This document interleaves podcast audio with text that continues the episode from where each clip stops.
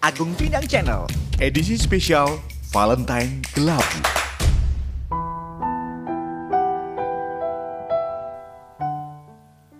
Ya, ketemu lagi bersama saya Agung Pindang Channel.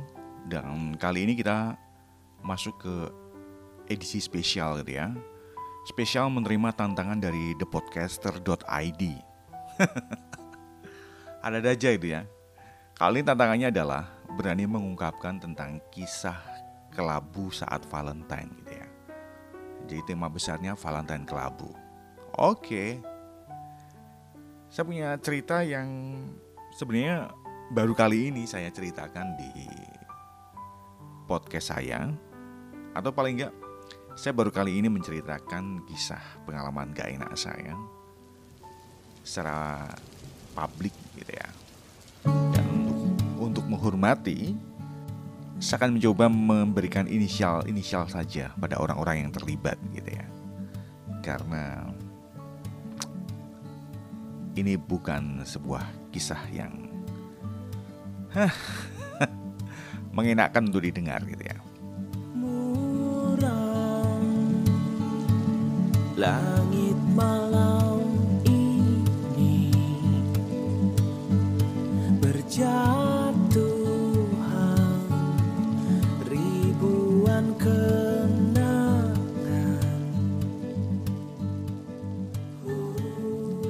Jadi gini, sekitar tahun 90-an gitu ya. Ketika saya masih SMA kelas 2. Saya punya sahabat karib yang deket banget ya. Sahabat cowok gitu ya. Sebut saja namanya Y gitu ya. Dia adalah teman saya sejak dari SMP meskipun kami tidak satu kelas dan dia kemudian tidak naik kelas tapi karena kita seusia maka kita ke mana-mana selalu bersama-sama gitu ya. Suka duka seneng apa pun kisah tidak ada yang dirahasiakan gitu ya. Pokoknya ya nakal-nakalnya anak SMA dulu gimana sih gitu ya. Mulai dari misalkan polos bareng dan kemudian ngerokok sembunyi-sembunyi gitu ya. Itu kita lakukan bersama-sama waktu itu. Pokoknya di mana ada dia, ada Y ini, selalu ada saya, begitupun sebaliknya. Nah, kemudian sampailah pada suatu kisah gitu ya. Dia rupanya naksir dengan seorang cewek gitu ya. Wah, dia konsultasi nih sama saya Gung. Pakai bahasa Jawa ya. Piye yo? Corone nyedai si X. Gimana ya caranya deketin si X gitu ya. Si X ini adalah uh, seorang siswi SMA juga. Bukan dari sekolah kami berdua, di sekolah lain. Tapi mungkin karena punya apa ya anaknya sih biasa-biasa saja gitu ya. Tapi daya tariknya adalah orangnya supel, grabyak gitu ya. Grabyak itu apa sih bahasa Indonesia? Ramah gitu ya. Membuat lawan bicaranya kalau ngobrol dengan dia itu seakan-akan nyaman, merasa diterima gitu ya. Mungkin ini yang menjadikan seseorang barangkali menjadi salah tafsir gitu ya terhadap semua keramahannya. Lah, rekan saya si Y ini tampaknya punya pemikiran yang yang menurut saya keliru sebenarnya gitu ya. Dan mungkin kesalahan saya di sini gitu ya. Saya sebagai sahabat lupa mengingatkan dia, justru saya mensupportnya. Saya dari dulu adalah orang yang gemar sekali menulis puisi atau paling enggak saya ini apa ya seorang siswa yang hobi mengumpulkan diksi. Waduh. Jadi sebenarnya puisi-puisi saya itu biasa-biasa saja gitu ya. Tapi karena saya rajin me, apa ya mengumpulkan kata Jadi kalau dirangka-rangka itu kayaknya indah gitu ya, meskipun itu bukan original buatan saya gitu ya. Saya ngomong, oh, kenapa tidak dimulai pendekatan dengan cara bikin puisi gitu. Nah, piye corone? Nah, gimana caranya? Wah, si Yedu bilang ke saya. Ini tak buatkan? Wah, dibuatkan. Saya buatkan loh. Sat, sat, sat, sat. Kirimkan waktu itu. Wah, kirimkannya nggak langsung gitu ya, tapi lewat perantara gitu ya. Tentunya butuh feedback kan ya, supaya tahu apakah surat kita itu dibaca tidak gitu ya. Ya memang benar. Suatu saat ketika ketemu si X ini, cewek si X ini, kemudian senyum gitu. Rupanya ini membuat teman saya si Y makin, waduh, ini kayaknya nih masuk. ya sampai pembuatan puisi yang ketiga kalau nggak salah ini. Di bulan Februari kayaknya waktu zaman dulu itu belum musim gitu ya. Orang bisa berkirim sesuatu secara cepat gitu ya. Artinya kalau kita ingin menyatakan sesuatu mau berkirim surat itu kalau ekspres itu bisa tiga hari dalam kota gitu ya kalau mau cepet lagi sehari itu kayaknya susah gitu ya nah ceritanya berburu nih. Berburu kartu ucapan Valentine. Nah karena waktu itu tanggal 14 eh belum tanggal 14 masih tanggal 11 berarti masih punya waktu. Kalau hari itu dapat maka akan dikirimkan. Nah ceritanya dia beli nih di sebuah supermarket di kota Semarang yang sekarang sudah beralih fungsi gitu ya. Pas beli, kemudian saya ngomong gitu ya, ngapain sih mesti ngirim surat kartu Valentine segala gitu. Nah terus punya ide yang lain, ada dong gitu ya. Pernah nggak kepikiran kenapa Indonesia ketika merdeka itu kemudian cepat mendapat pengakuan dari negara-negara di sekitarnya. Nopo, kenapa katanya? Karena Indonesia memproklamirkan. Nah, kalau kita hanya lewat surat,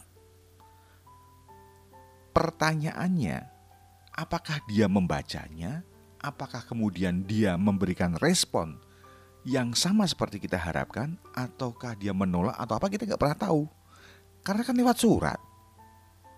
Terus idemu? Nah, bagaimana kalau kamu nyatakan saja secara langsung?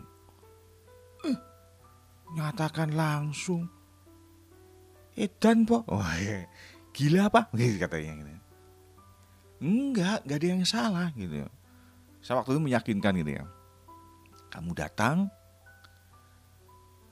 kamu nyatakan perasaanmu, toh sebenarnya kamu sudah punya modal gitu. Nah inilah kesalahan saya. Saya sudah tahu hal-hal yang kurang, tetapi saya justru mengatakan itu sebagai modal. Misalkan, sebenarnya perasaan yang didapatkan si Y ini kan hanya rasa GR saja gitu ya.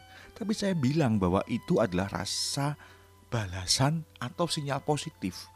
Nah, si Y dengan semangat ini ceritanya gitu. Oke, kalau gitu, kapan ya? Nah, tanggal 14 main ke rumahnya, kamu katakan perasaanmu. Ntar kalau marah, lu kok marah? Wong sudah ada sinyal-sinyal kok marah gitu ya. Kalau masih kurang, nggak ada salahnya ketika pulang, kau tinggali kecupan di keningnya. Wih, edan. Dia ngomong gitu. Ya, namanya usulan. Oke, hari pun berganti, tibalah tanggal 14 dan karena saya seorang jomblo, saya nggak ke mana-mana, saya hanya menunggu ceritanya gitu ya.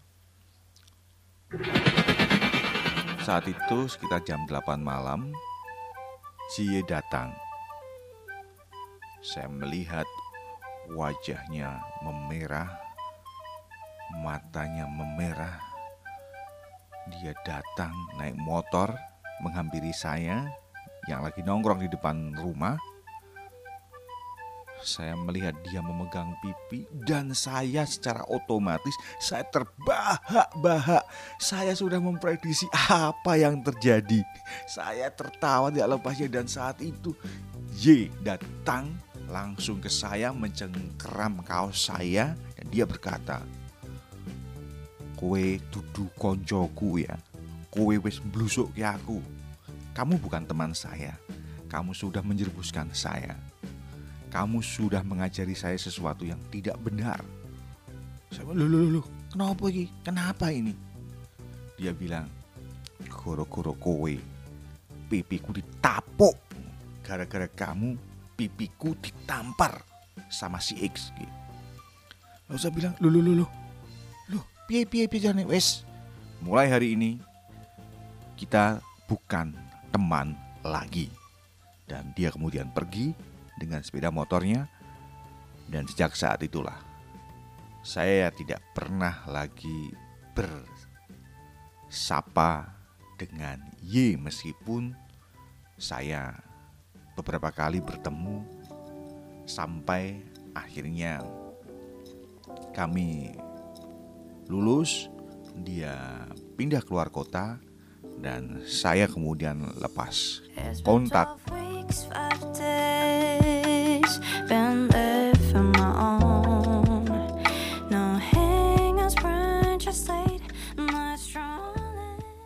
Ada niat untuk mencarinya, tapi saya yakin Ye mungkin tidak pernah akan memaafkan saya. Siapa pun Ye di mana pun kamu berada kalau kamu mendengarkan podcast ini, moga-moga kamu dengerin gitu ya. Saya mau minta maaf, tapi ada satu hal yang perlu kamu ketahui. Di balik saran yang pernah saya lakukan, saya tahu kamu marah karena dampak yang kamu dapatkan. Tetapi saya mau kasih tahu si X sudah meninggal beberapa tahun yang lalu. Itu artinya saya sudah menyelamatkanmu dari status sebagai seorang duda.